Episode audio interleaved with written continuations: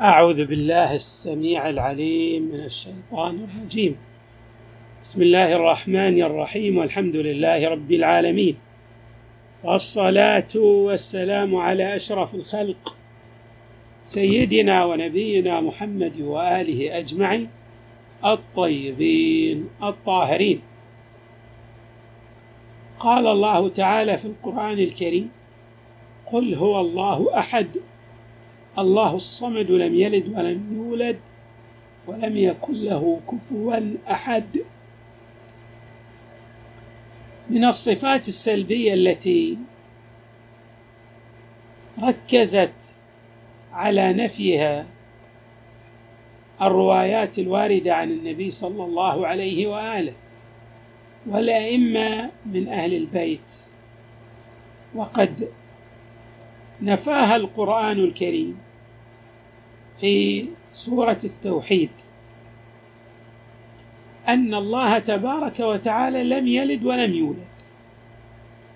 وقد بينت الروايات لماذا نصف الحق تبارك وتعالى بهاتين الصفات يعني لماذا ننفي هذين الوصفين السلبيين عن الذات المقدسة. يعني لماذا نقول لم يلد؟ نصفه بأنه لم يلد ولم يولد. أما وصفه بأن الله تبارك وتعالى لم يولد لأنه لو تولد من غيره لكان غيره يشاركه. في عزه في عظمته. بل أن غيره سيكون سابقا عليه. فيتحول هذا الوجود الواجبي الغني إلى وجود يحتاج إلى غيره. لا يستغني عن غيره لأنه مولود من غيره. ولهذا جاء في الرواية نعم. عن الإمام علي عليه السلام. إن الله تبارك وتعالى لم يولد. يعني لم يلده غيره. فيكون في العز مشاركة. وأيضا لم يلد. لماذا؟ لأنه لو تولد منه غيره لكان غيره يرثه. بمقتضى الأمور الطبيعية يعني أن الولد يرث جميع خصائص الخصائص الموجودة في الأب. والحال أن الله ومعنى ذلك أيضا هذا يترتب عليه أن ماذا؟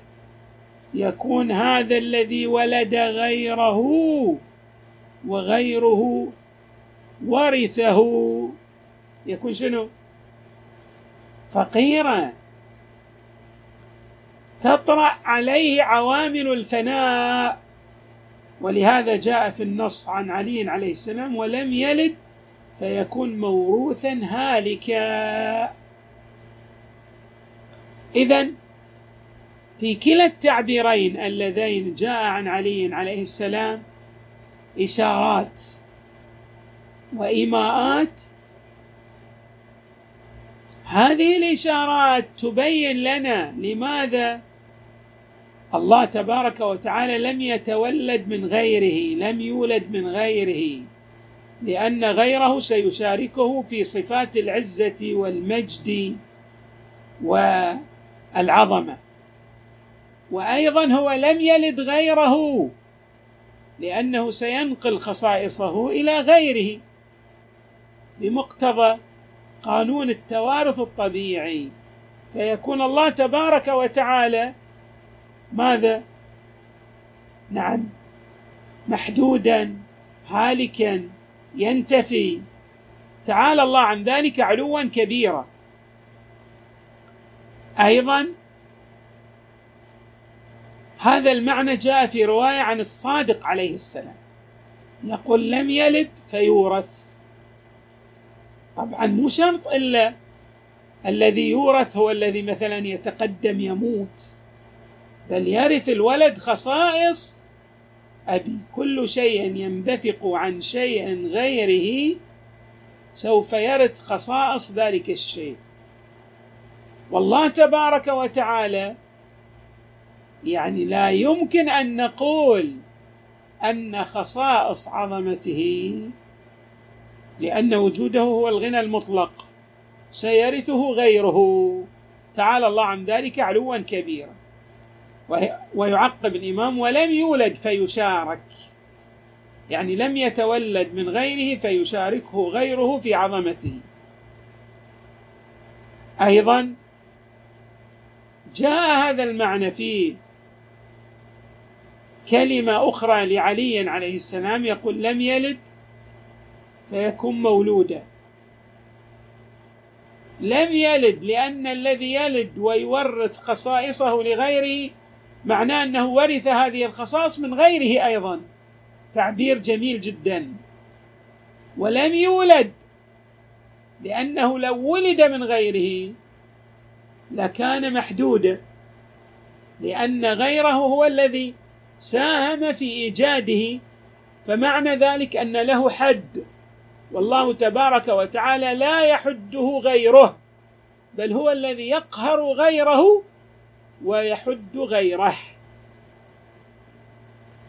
اذا الروايات بالخصوص هذه الرواية فيها دقائق من المعاني الحكمية. لم يلد فيكون مولودا مجرد أن يكون له ولد معناه أنه تولد من غيره. وإذا تولد من غيره سيكون ماذا؟ له حدود. يعني ليس بوجود واجبي مطلق. أيضا الإمام الصادق عليه السلام يشرح هذا المعنى فيقول لم يلد لأن الولد يشبه أباه. ليش يعني نفس الخصائص تنتقل من الاب إلى الإبن ولم يولد لأنه لو ولده غيره لكان يشبه ذلك الغير الذي انبثق هو منه. ثم يقول ولم يكن له من خلقه كفوا أحد غيره لا يكافئه لا يصل إلى أن يكون شبيها بالله تبارك وتعالى. تعالى عن صفة من سواه. علوا كبيرا. يعني هذا الكلام للإمام الصادق. الله يجل ويتعالى بأن يتصف بصفات خلقه. خلقه لا يمكن أن يشاركه في عظمته. على هذا المعنى أيضا يترتب. لماذا نقول لم يلد ولم يولد؟ هذا السؤال الذي يطرأ من كثير من الناس. فيقول بعض الناس مثلا من أوجد الله؟ لأن الموجود له موجد بمقتضى قانون العلية. ولعلنا أشرنا في بحث سابق إلى هذا القانون الذي هو من القوانين البديهية لدى الناس. النبي صلى الله عليه وآله يشرح لنا هذا المعنى الدقيق بعبارات جميلة تقرب ما يريده القرآن الكريم وما يريده النبي صلى الله عليه وآله أن يصل إليه ذهن الموحد يعني أن يدرك الموحد هذا المعنى الدقيق من التوحيد. يقول صلى الله عليه وآله لا يزال الناس يتساءلون أو يسألون عن كل شيء. طبيعة الإنسان يطرح علامات استفهام متعددة. حتى يقولوا الناس يعني يقولون ماذا يقولون؟ هذا الله قبل كل شيء فما كان قبل الله. إذا كنتم تقولون هو قبل الأشياء هذه. شنو الشيء الذي هو تقدم على الله؟ هو كان قبل الله. النبي يعطينا الإجابة. يقول فإن قالوا لكم ذلك فقولوا لهم. فقولوا لهم هو الأول قبل كل شيء وهو الآخر فليس بعده شيء وهو الظاهر فوق كل شيء وهو الباطن دون كل شيء. إجابة رائعة وجميلة تفصح لنا عن معاني أيضا حكمية دقيقة. يعني ماذا نرد على من قال إن ما هو الوجود الذي تقدم على الله؟ ماذا نقول له؟ نقول له إن الله هو قبل كل شيء لأن هذه الأشياء ماذا؟ هي موجودات ممكنة أبدعها وأوجدها الله تبارك وتعالى. فهو الذي تقدم عليها ولا شيء منها يتقدم على الله لأن جميع ما سواه يحتاج إليه وهو لا يحتاج إلى غيره. أيضا يقول وإذا فرضنا أن هناك سائل يقول ما هو الشيء الذي يكون بعد الله؟ هذا معناه أن الله راح ينتفي. فيأتي ما هو بعده. أو يقول فقل لهذا السائل وهو الآخر فليس بعده شيء. وهذا حسب ما جاء في الروايات هو قبل القبل بلا قبل وبعد البعد بلا بعد. وهو الظاهر فوق كل شيء وهو الباطن دون كل شيء. يعني على حد التعبير الحكمي هو اختفى في ظهوره وظهر في خفائه وبطونه فهو أظهر الأشياء. وهو ماذا؟ أخفى الأشياء لأن وجوده ليس بوجود كثيف يدرك بالحواس. يعني لا يضاهيه غيره في لطفه. نعم.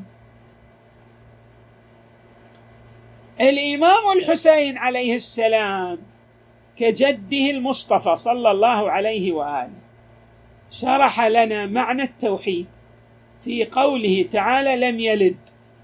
فماذا قال الحسين عليه السلام؟ يقول لم يخرج منه شيء كثيف. يعني معنى لم يلد. أي ما انبثقت حتى الوجودات ما انبثقت ما كانت الموجودات موجودة في ذاته فانبثقت عنه. الأمر ليس كذلك. هو أبدعها لا من شيء. على حد التعبير الذي جاء عن الصديقة الزهراء عليها السلام. أبدع وجودات الأشياء لا من شيء. لذا الإمام الحسين عليه السلام يقول لم يخرج منه شيء كثيف. كالولد وسائر الأشياء الكثيفة التي تخرج من المخلوقين. فمعنى إبداعه للأشياء ليس أن الأشياء كامنة في ذاته. ككمون مثلا الشجرة في النواة الأمر ليس كذلك. الله تبارك وتعالى أبدع الأشياء لا من شيء. هذا ما نستطيع أن نعبر عنه في إيجاده للأشياء. لم يخرج منه شيء كثيف يقول الإمام الحسين كالولد وسائر الأشياء الكثيفة التي تخرج من المخلوقين. وأيضا يقول ولا شيء لطيف. حتى الوجودات المجردة ما ما خرجت من وجوده المجرد وإنما هو أبدع المجردات كما أبدع الوجودات المادية. ثم يقول أيضا ولا يتشعب منه البدوات. يعني هذه الطوارئ التي أيضا نفاها القرآن مثل منه كالسنة والنوم وقد جاء في آية الكرسي. لا تأخذه سنة ولا نوم. إي نعم. الله تبارك وتعالى لا يمكن أن تعتريه السنة ولا يمكن أن يعي فينام. لأن العيي الذي يتعب هذا وجود مقهور. وهناك موجودات تقهره. ثم يقول الإمام الحسين ولم يولد. بمعنى لم يتولد من شيء ولم يخرج من شيء. كما يخرج الأشياء الكثيفة من عناصرها. عندما نقول لم يولد يعني مو الله تبارك وتعالى. كان في شيء فخرج من ذلك الشيء. تعالى الله عن ذلك علوا كبيرا. مثلا الولد خرج من نطفة أبيه. الله ليس كذلك. هناك وجود انبثق الباري تبارك وتعالى عنه. هذا معنى أن الله لم ي... يعني ليس هو قبل القبل بلا قهب لاحظوا هذه الروايات. تقرب المعنى فيها المعاني الحكمية ولكنها أيضا تقرب هذه المعاني الحكمية الدقيقة إلى الأذهان البسيطة التي ماذا لم تدرس فلسفة وحكمة وتطلع على النظريات الدقيقة في الفلسفة ولكنها تستوعب هذه الكلمات التي وردت عن النبي صلى الله عليه وآله والأئمة من أهل البيت عليهم السلام. الامام اذا ماذا يقول؟ ولم يولد لم يتولد من شيء ولم يخرج من شيء كما تخرج أو كما يخرج الأشياء الكثيفة من عناصرها. ولا كما يخرج الأشياء اللطيفة من مراكزها. مثلا شنو؟ البصر من العين. تعبيرات الروايات عندما تريد أن تقول. يعني أن الله لم يخرج من شيء ولم يخرج منه شيء. لماذا؟ لأنه لو خرج هو من شيء لاحتاج إلى ذلك الشيء. ولو خرج منه شيء لأشبهه. والله تبارك وتعالى ماذا؟ لا يشبهه غيره. تعالى الله علوا كبيرا عما عما يقوله المشبهون له ببعض الممكنات أو ببعض المخلوقات. لأن الله تبارك وتعالى لا شبه له ولا ضد له وليس كمثله شيء.